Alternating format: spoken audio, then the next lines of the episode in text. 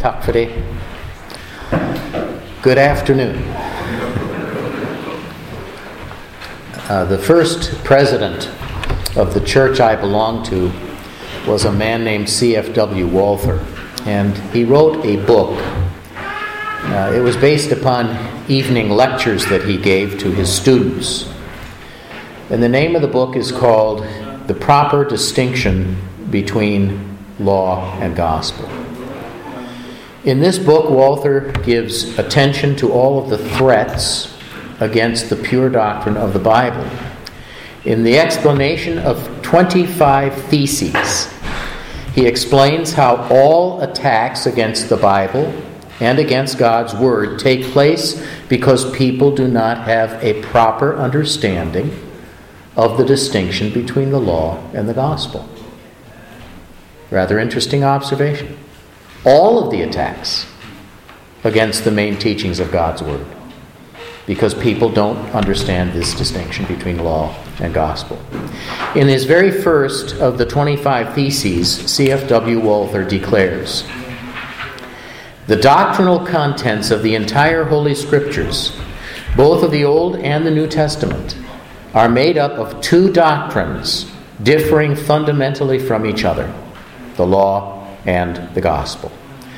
Walther makes two points here. First of all, if you look at the doctrinal content of Scripture, the doctrinal content, all of it can be understood in terms of two teachings law and gospel.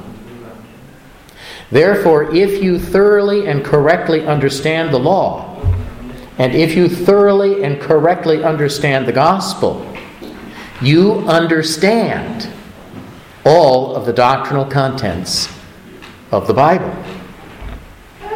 And the second point is that these two teachings are fundamentally different from each other. If what Walther says is true, and if it is also true that the Bible is the Word of God, in which He reveals Himself and His will to us, it is clear that Christians ought to consider very carefully the teaching of the law and the teaching of the gospel, and that they need to be very clear on the difference between the two. Our understanding of all Scripture depends on this. For that reason, Walther, in his, thec- in his second thesis, states Only he is an Orthodox teacher who not only presents all the articles of the faith in accordance with Scripture, but also rightly distinguishes from each other the law and the gospel. The need to be able to understand the difference between the law and the gospel becomes even more apparent to us when we realize that both of them offer a way of salvation. Uh, Tor Henrik Witt pointed that out last night uh, in his presentation. But it's worth repeating. They both offer a way of salvation from death and from damnation. The law says about all of God's commandments do this, and you shall live. The gospel says about God's Son, He has done this, therefore you shall live. They both offer a way of salvation. But these ways are very different. The one, le- the one way lies through our own behavior, the other way lies through the person and work of another, namely Jesus. The one way lies through our faithful keeping of all God's commandments. The other way lies through His faithful keeping of all God's commandments. The one way presents us with commandments and requires that we keep them. In other words, it requires us to save ourselves. The other way, insisting that we cannot save ourselves, sends the Son of God into the world to do the saving that we are unable to do. As I already said, both of these offer a way of salvation, but these ways are very different. In fact, one of these ways, the way of the law, cannot give us what it promises. Not because there is anything wrong with the law, but because there is something wrong with us. The other way, the way of the gospel, can give what it promises because although there is something seriously wrong with us, there is nothing wrong with Him, namely Jesus, and he came to do for us what we could not do for ourselves. We need to be clear on this. The law offers life. It offers life to everyone who keeps it. It offers hope to the sinless. Unfortunately, because none of us is sinless and because none of us can do what the law requires, instead of being a way of life, it becomes for us a way of death and of condemnation because none of us can keep this law, none of us can follow it to the promise to the life that it promises. For this reason the law, which is good and holy and pure and given by God, becomes for us who cannot keep it an accuser and a judge and a relentless condemner. The gospel, on the other hand, offers life but it does not offer life to those who keep the law. It offers life to those who break the law. It does not offer hope to the sinless.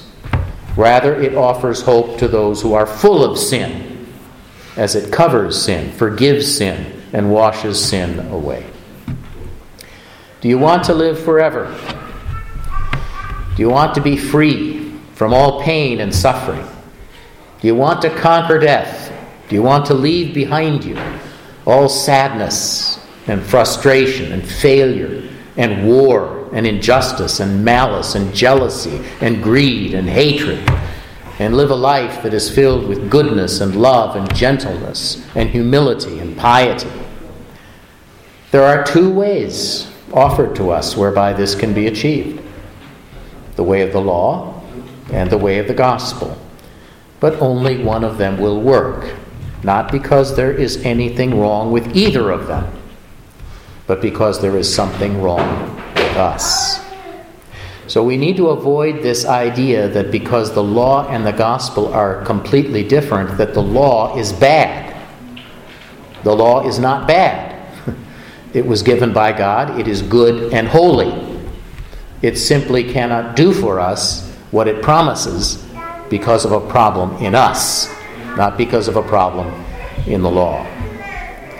The way of the law won't work. The way of the gospel works. And these are the only two ways that have ever been suggested to achieve the kind of salvation we're talking about. So we better understand these two ways correctly. We better understand the difference between them. It is absolutely critical that we do. It is literally a matter of life and death. No wonder Walther says only he is an Orthodox teacher who not only presents all the articles of faith in accordance with Scripture, but also rightly distinguishes from each other the law and the gospel. In fact, the importance of distinguishing correctly between these two ways is so crucial that Walther writes in his fourth thesis the true knowledge of the distinction between the law and the gospel is not only a glorious light affording the correct understanding of the entire Holy Scriptures, but without this knowledge, Scripture is and remains a sealed book. In other words, if you cannot understand the distinction between the law and the gospel, you cannot understand the Bible. You may be able to read it and know the meaning of every word that is in it but you don't know why it was written, and you don't know what God intends to accomplish with it. That's what Walther is saying. Now, it may seem to people who have a rudimentary understanding of the law and the gospel, it may seem to you that it should not be difficult to distinguish between them. Walther did not think so. He thought it was difficult to avoid confusing them.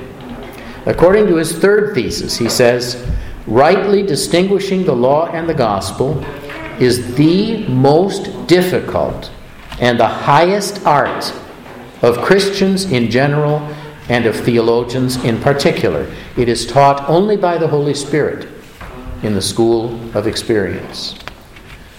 Walther did not believe that it was easy to distinguish the law and the gospel correctly and to teach both purely and consistently according to Scripture. No, Rather, this is the most difficult and the highest art of Christians in general and theologians in particular. And again, I have to agree with Walther.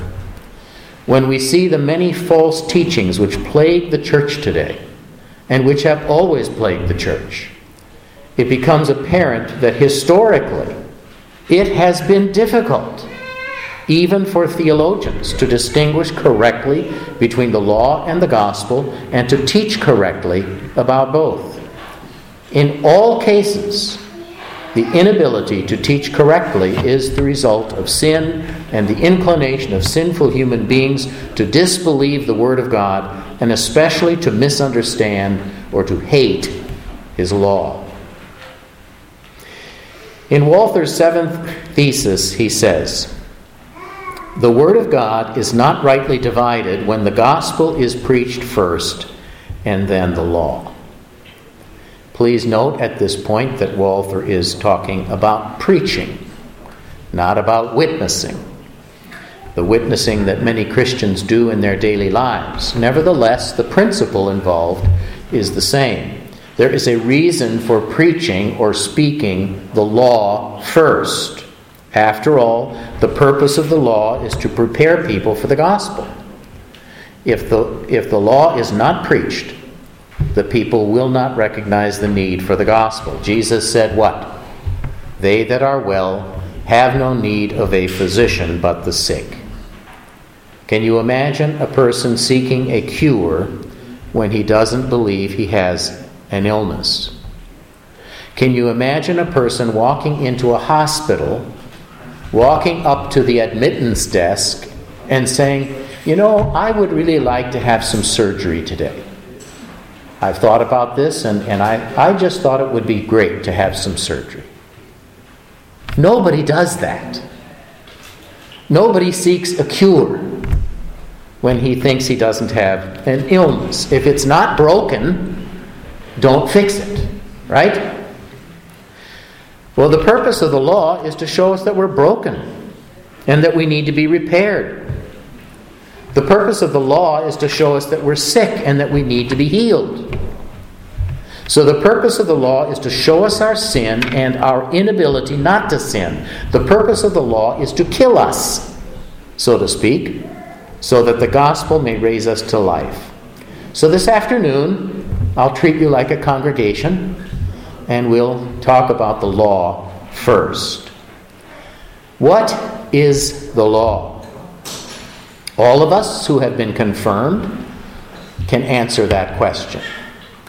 The catechism that was used when I was confirmed, uh, we had that question what is the law? And the answer goes as follows The law is that doctrine of the Bible in which God tells us how we are to be and what we are to do and not to do. And where do we find this law? in the Ten Commandments. They are the law of God. You know them. I'm not going to repeat them. The first three cover our relationship with God and tell us how we are to act toward Him uh, and not act toward Him. Jesus sums them up quite well. Uh, you shall love the Lord your God with all your heart and with all your soul and with all your mind. The fourth through tenth commandments deal with our relationship with our neighbor. Uh, Jesus sums those up as well. You shall love your neighbor as yourself. And the law can act in three ways. I think you've learned this too. Uh, it can act as a curb. Uh, in this sense, it uh, acts to restrain human beings and to keep the world more or less from chaotic disorder. People fear punishment, so they keep the law. They don't keep it because they love God. They don't keep it because they love each other. They keep it because they're afraid not to. Or they keep it because they think it will bring them good results. People will treat them in a better way, or something like that. That's the first use. Uh, the law can also act as a mirror. This is the second use. In this sense, it, it gives us commandments, and we, when we do not keep them, it shows us our failings, our sin, our lack of love for God, our lack of love for others. So it acts as a mirror to show us what we are. And then, third, the law acts as a rule or a guide. And in this sense, it really only serves Christians.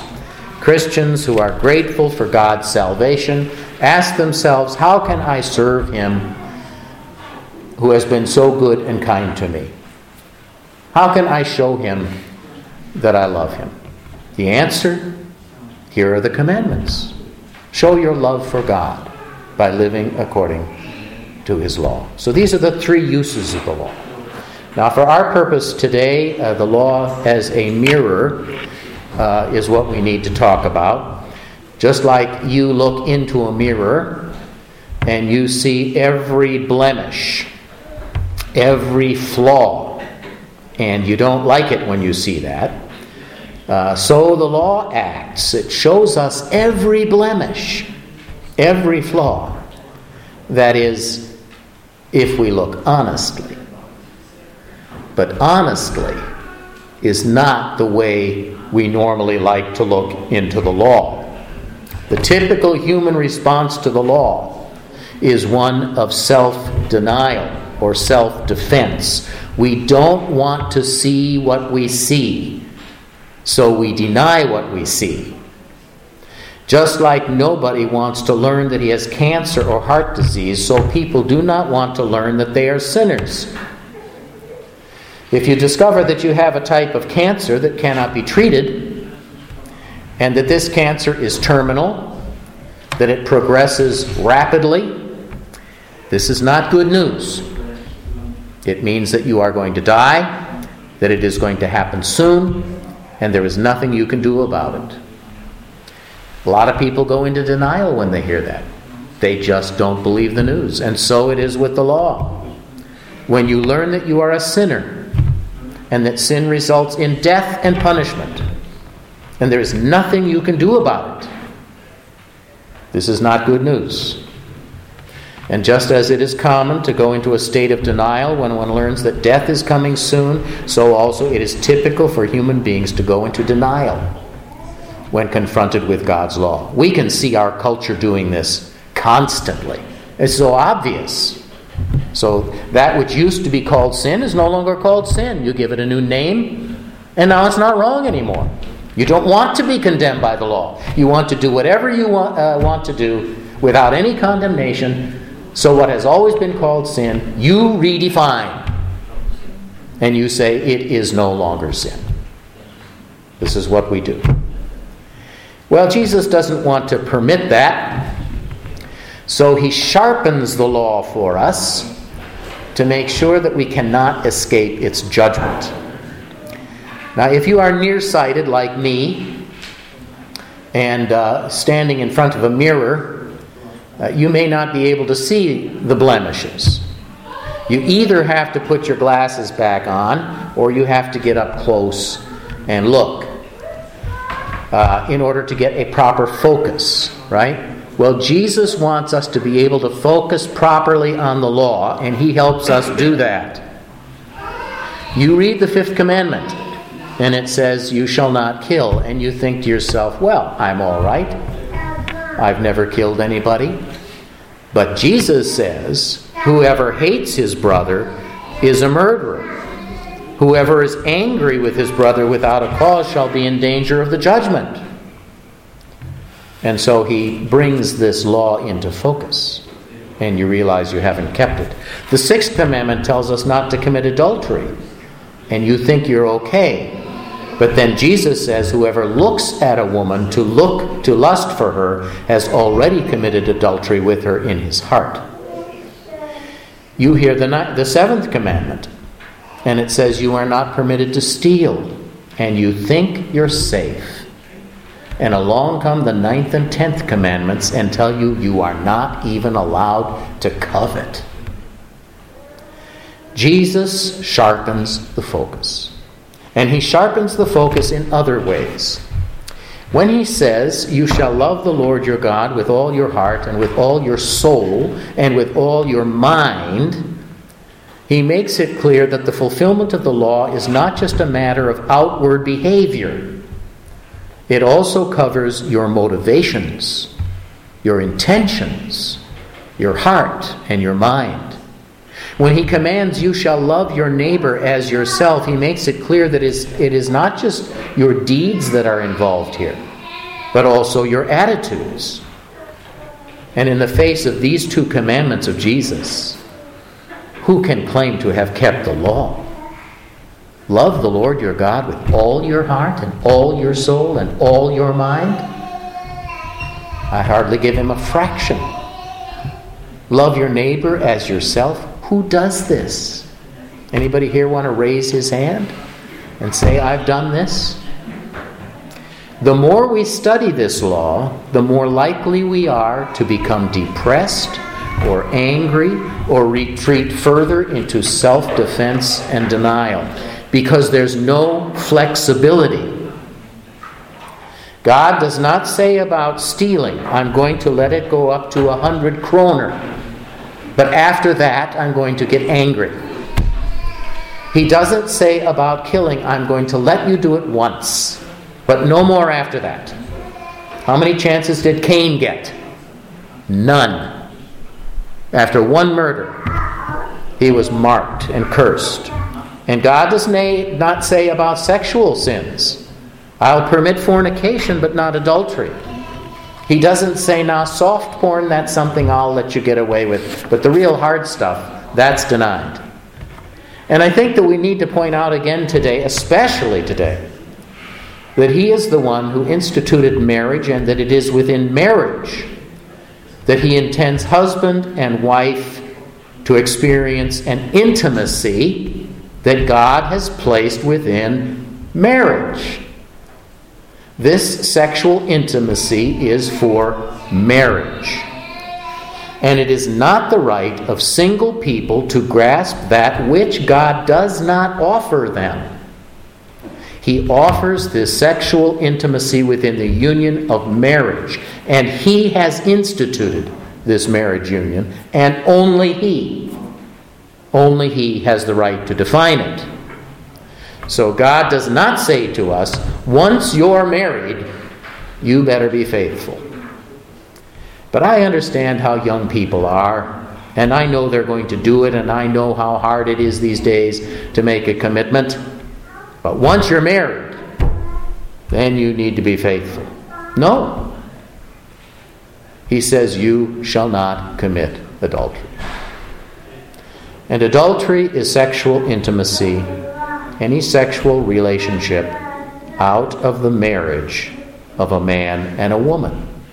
And obviously, that includes homosexuality and lesbian lesbianism. These two are adultery, as uh, one, uh, oh, he's an anti evolutionist, said at one time. He said, God created Adam and Eve, not Adam and Steve. Course, if you don't believe God created marriage, that doesn't help. But the point we're making here is that the law has no flexibility.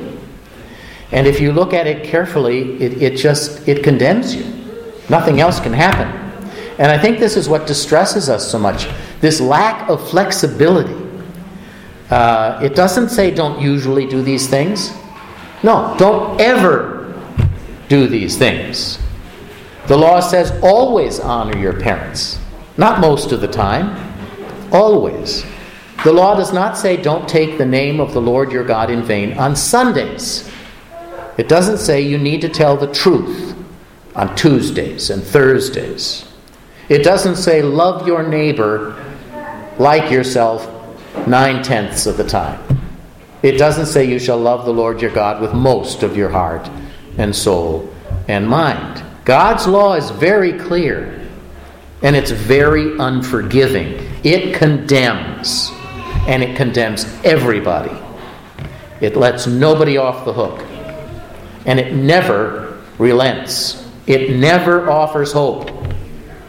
It can create fear, it can create anger and resentment, but it cannot give hope because there is no flexibility.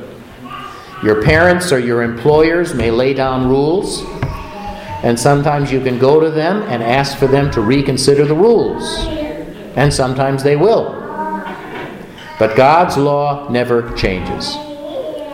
Jesus said, For truly I say to you, until heaven and earth pass away, not an iota, not a dot will pass from the law until all is accomplished. And again, Jesus says, It is easier for heaven and earth to pass away than for one dot of the law to become void. So today's culture can deny sin all at once and redefine what is right and wrong. But Jesus says, not one dot of the law will ever become void.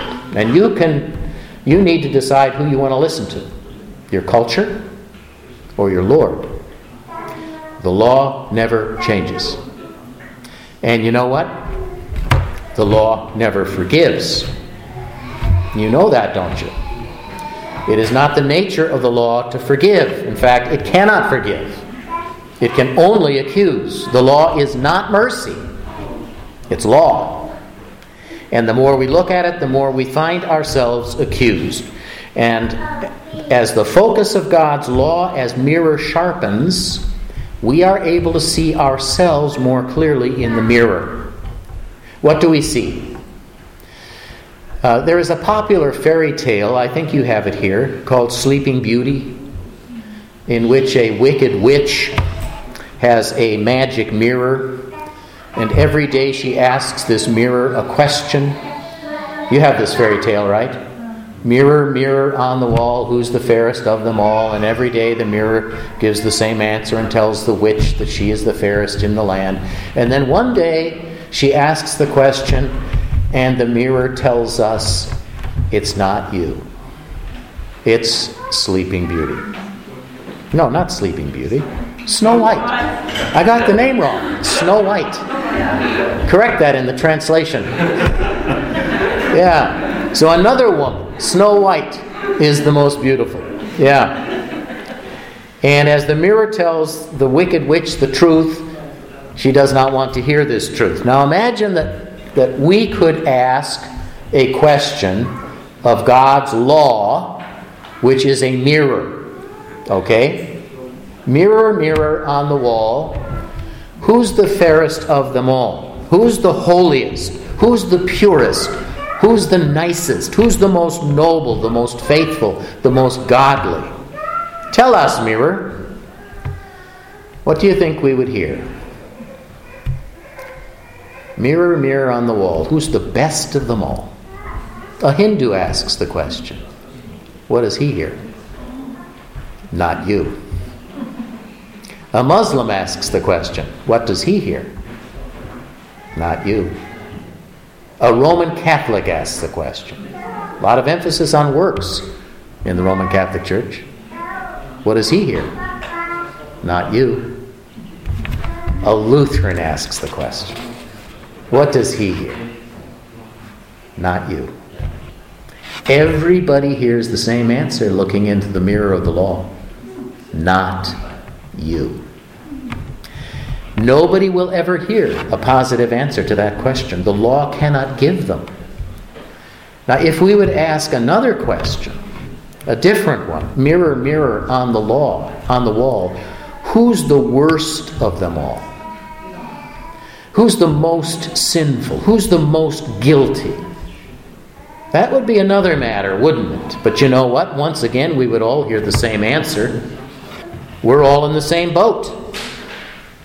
What does God say in Psalm 14:3? They have all turned aside. Together they have become corrupt. There is none who does good, not even one. What does God say in Ecclesiastes 7? Surely there is not a righteous man on earth who does good and never sins. What does God say in Isaiah 64? We have all become like one who is unclean, and all our righteous deeds are like a polluted garment. We all fade like a, wheat, a leaf, and our iniquities, like the wind, take us away. Yes, the law puts everybody in the same place and pronounces the same judgment on them all. As Paul points out, now we know that whatever the law says, it speaks to those who are under the law, so that every mouth may be stopped. Um. And that means yours. Every mouth may be stopped, and the whole world may be held accountable to God. For by works, the works of the law, shall no human being be justified in his sight, since through the law comes knowledge of sin. Now, if this were all that the law had to say, it would be depressing enough. Unfortunately, this is not all that the law has to say. Not only does the law accuse us, it also condemns us. God said to Adam and Eve about the tree of the knowledge of good and evil in the Garden of Eden In the day that you eat of it, you shall surely die. And they ate of it. And they died. And we too have eaten of it. Every one of us. We have done that which God has forbidden. We have not done that which God commands. And this sin has consequences. We too will die because of our sin. You see, the law does not only accuse, it also condemns. So sinners are condemned to experience God's punishment for the wrong they have done. And this punishment, unless someone saves us from it, includes the death of our bodies in this life and eternal death in the life to come. It means eternal separation from God in hell. It means an eternity of suffering, an eternity without joy, without comfort, without hope. He who believes and is baptized will be saved, Jesus said, but he who does not believe will be condemned. One last comment about the law before we move on. It is typical of humans that they think they are better than others. They will hear God's commandments again and again. They will recognize again and again that they have done wrong, but they will still consider themselves better than others. Tell me it isn't so. It is so. But Paul says the wages of sin is death. There's only one reason you die it's sin. Now, you can say the cause of death is a heart attack or cancer or a car accident, but the real cause of every death is sin. If we did not sin, we would not die.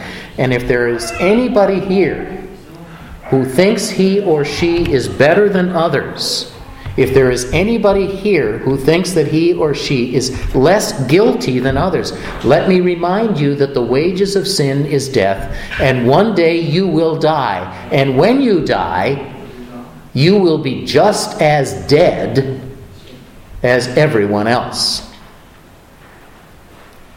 You may think you're better, but you'll be no less dead. Death is a great equalizer. No one stands up from it and says, Ah, that was a mistake, death. You have no claim on me.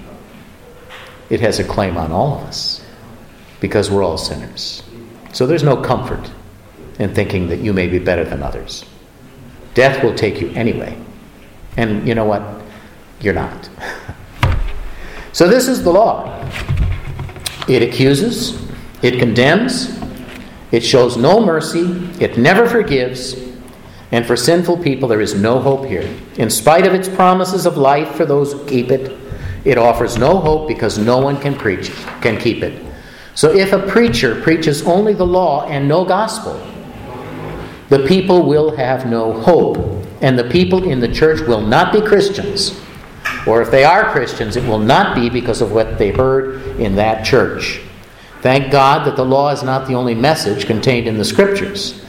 The Bible also contains the beautiful message of the gospel.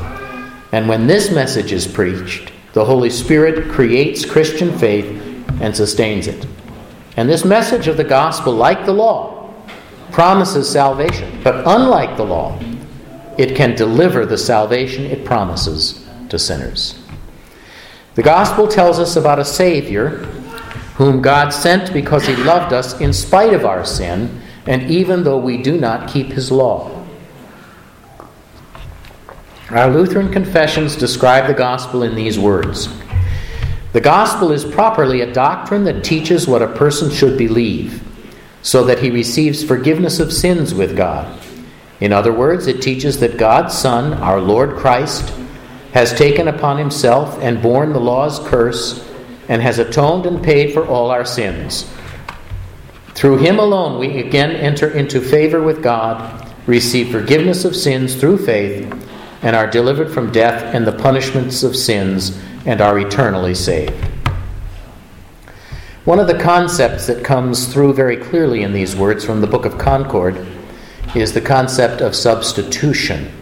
Notice, Christ has taken upon himself and borne the law's curse and has atoned and paid for all our sins. I'd like to spend some time considering this concept of substitution because I don't believe that you can fully appreciate the gospel or even understand it at all apart from the concept of substitution. Uh, Pastor Bigstaw was uh, mentioning, I think you said there were three aspects you wanted to talk about in your talk, and the first was substitution. Uh, this is a concept that we really need to understand well if we want to understand Christianity.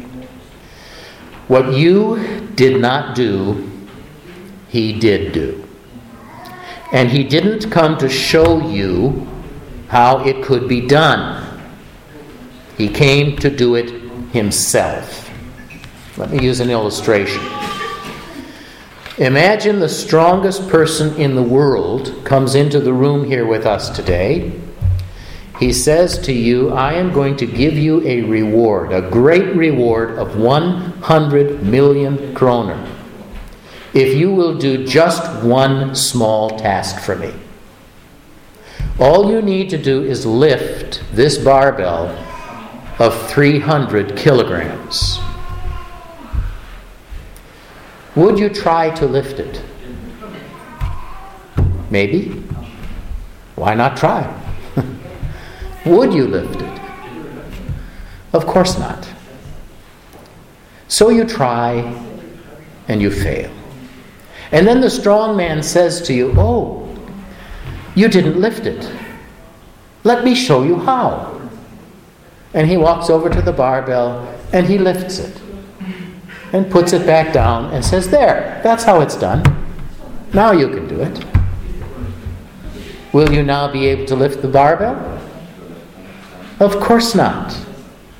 It does not help for him to show you how to do what you cannot do.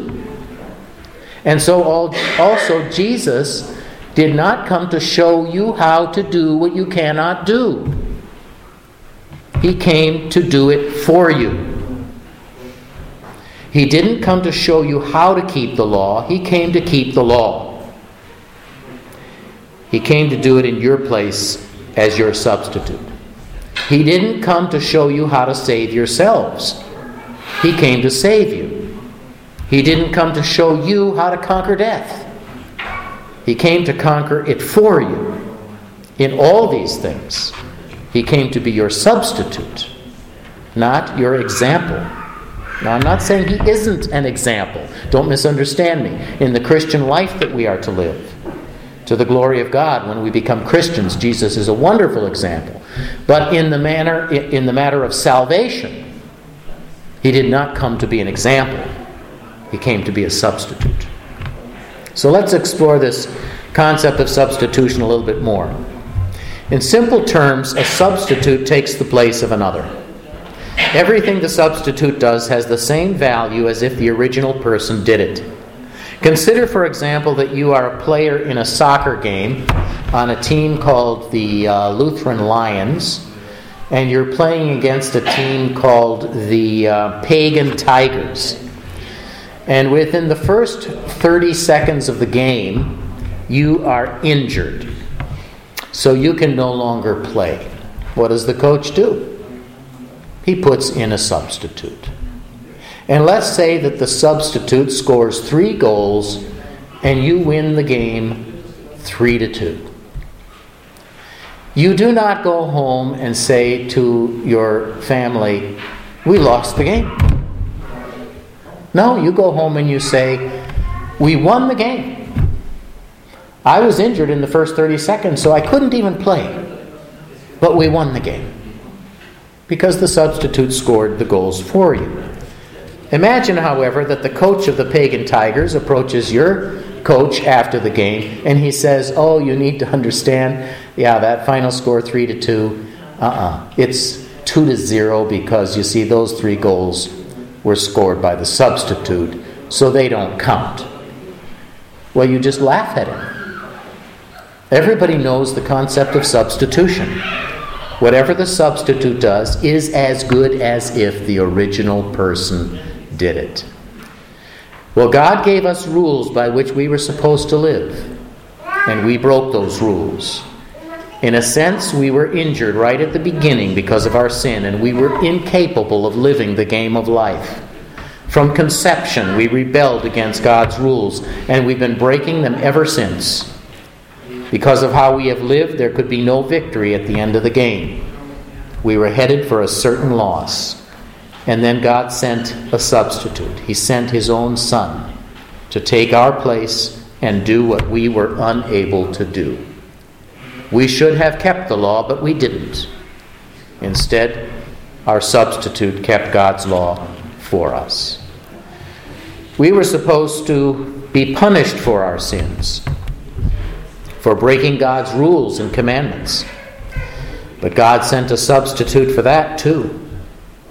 Jesus was punished in our place, bearing our sin and guilt so we could go free. John the Baptist puts it succinctly. He says, Behold the Lamb of God who takes away the sin of the world. Isaiah says it more beautifully than anyone else ever could, long before it even happened. Surely he has borne our griefs and carried our sorrows. Yet we esteemed him stricken, smitten by God, and afflicted. But he was wounded for our transgressions. He was crushed for our iniquities. Upon him was the chastisement that brought us peace, and with his stripes we are healed. All we like sheep have gone astray. We have turned every one to his own way, and the Lord has laid on him the iniquity of us all. But Jesus did more than take on our punishment and death. He was our substitute in every way on every day of his life. Everything we should have been, our substitute was. Everything we should have done, our substitute did. Everything we should have suffered, our substitute suffered. And because Jesus kept every commandment perfectly, our God looks at us as if we had kept every commandment perfectly because our substitute did it for us. And then Jesus died on the cross for our sins. And God looks at you and me as if we had already paid the penalty for all of our sins because our substitute did it for us. Jesus was our substitute with every breath he took, with every step he walked, with every word he spoke, with everything he did from the moment of his conception in Mary's womb until the moment of his death. Jesus took our place. Whether it was obeying his stepfather Joseph, whether it was showing love to his mother Mary, whether it was looking for food or for a place to sleep, Everything Jesus did, he did for you and me. He was not on this earth for himself. Understanding the nature of substitution is essential to the understanding of Christianity. And when we understand this concept, we receive tremendous comfort because we know that Jesus did absolutely everything necessary for our salvation. His death is not a symbolic act. Christ's work itself is the reconciliation. What a beautiful message. And another beautiful message. Not only has Christ taken on himself all our sins and made them his own, but he has given to us his righteousness and made it ours. Luther called this teaching the blessed exchange, an exchange that occurs between Christ and the sinner. Because of this blessed exchange that occurs, Christ has taken our place, and we take our place before God in Christ. In other words, the Father looks on his Son as though he were all sinners, and he looks upon sinners as though we were his Son. In The Freedom of a Christian, Luther compares Christ to a bridegroom and the church to a harlot whom Christ has made his bride. Here's what Luther says Here, this rich and divine bridegroom Christ marries this poor, wicked harlot redeems her from all evil, and adorns her with all his goodness. Her sins cannot now destroy her, since they are laid upon Christ and swallowed up by him. And she has that righteousness in Christ, her husband, of which she may boast as of her own, and which she can confidently display alongside her sins in the face of death, and say, If I have sinned, yet my Christ in whom I believe, has not sinned, and all his is mine, and all mine is his. In a sermon entitled Two Kinds of Righteousness, Luther addresses the same theme. He says this This is my favorite Luther quote. Therefore, a man can with confidence boast in Christ and say, Mine are Christ's living, doing, and speaking his suffering and dying, mine, as much as if I had lived, done, spoken, suffered, and died as he did. Just as a bridegroom possesses all that is his bride's, and she all that is his, for the two have all things in common because they are one flesh, so Christ and the church are one spirit.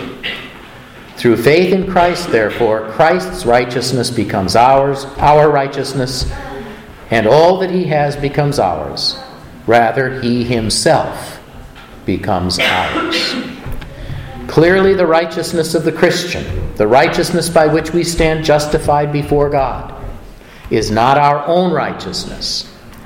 It is an alien righteousness, a righteousness that comes not from within us, but from outside us. It is the righteousness of Jesus. And if the righteousness of Jesus covers us, it cannot be imperfect or incomplete. It is the righteousness of the Son of God. Therefore, it is the perfect and infinite righteousness.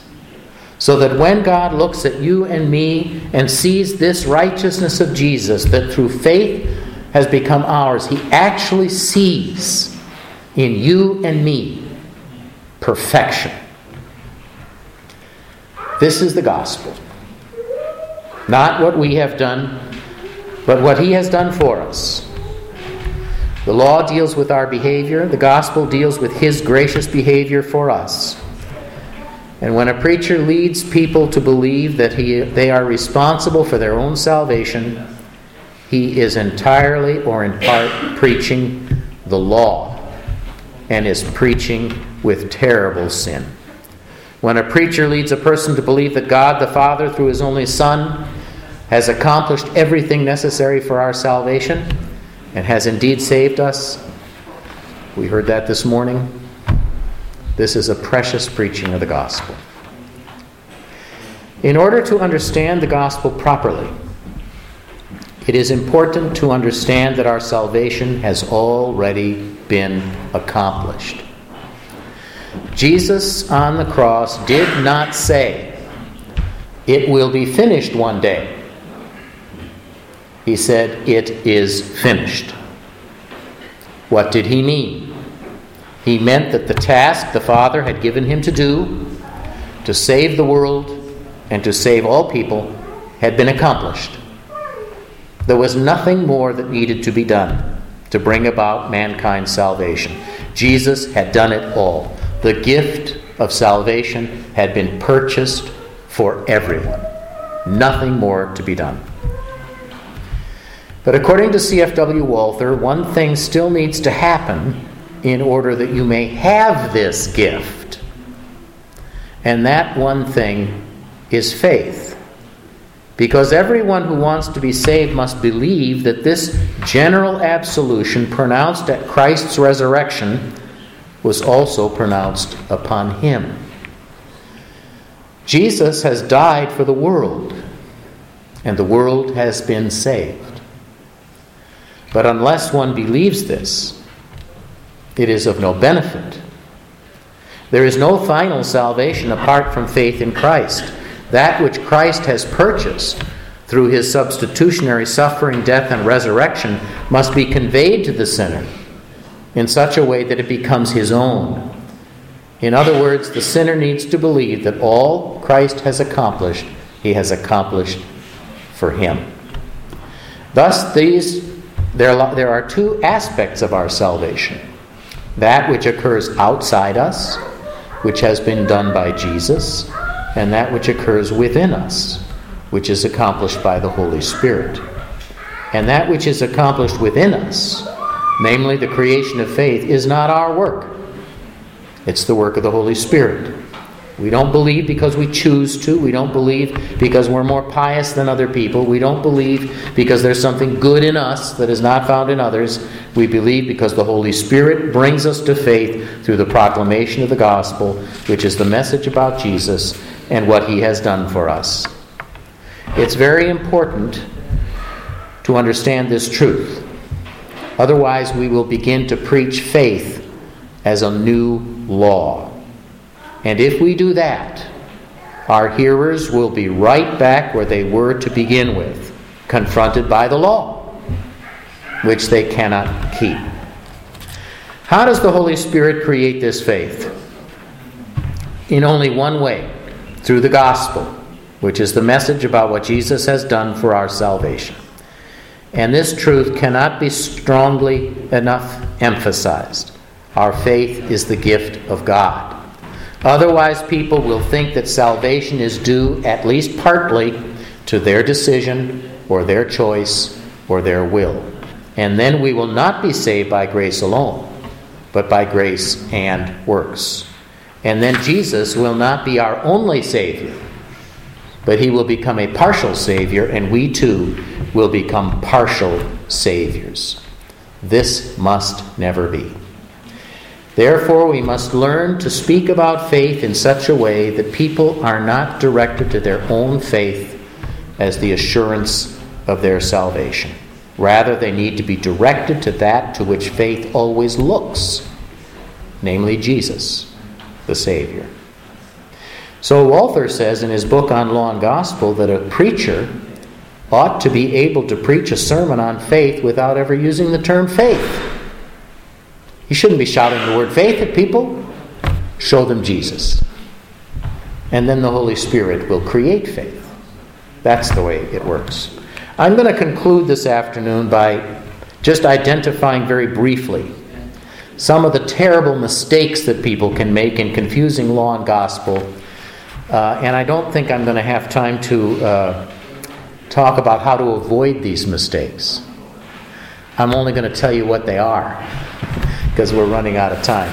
But uh, just five things that preachers should avoid uh, if they want to avoid confusing law and gospel. Number one, do not direct people to look inside themselves for assurance of God's love.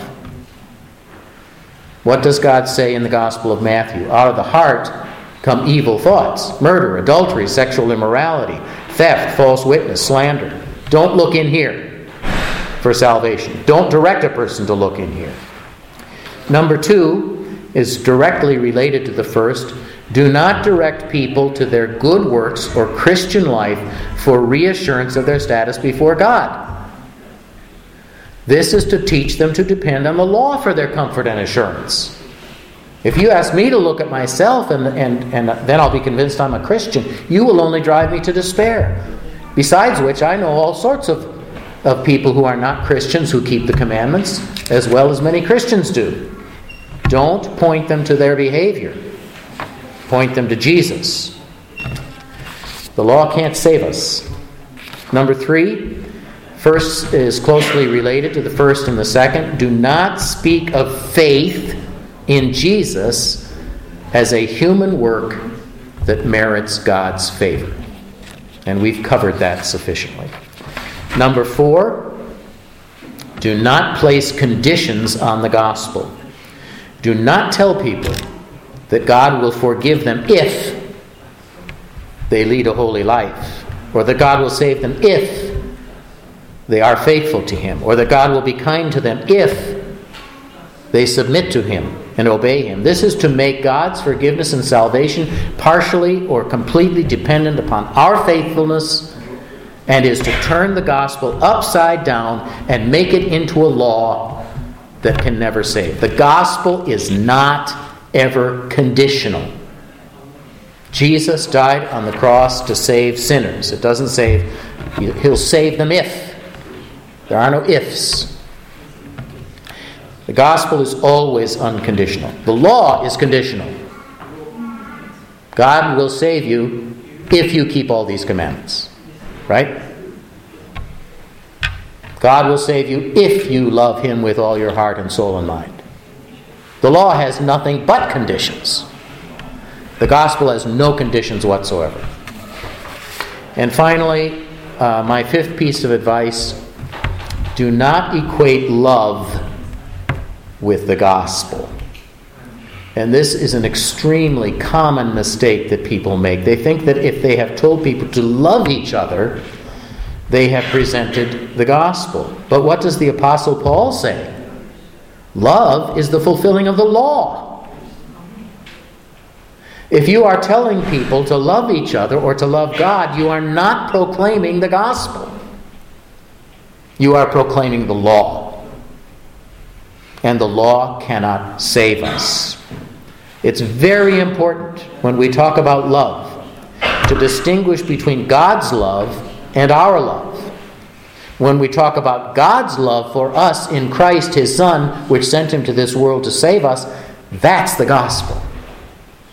When we talk about our love for others, this is no longer gospel. This is in the realm of the law.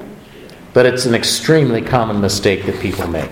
Well, I have to sum up because Pastor Bigstad, who is my friend, uh, and I'd like him to remain my friend, uh, told me that I needed to. Uh, to allow time for questions. So I'm going to stop now. I had an appendix called uh, Counsel to Preachers, but uh, we'll have to do without that. Uh, please, if you, if you have comments that you'd like to make or questions.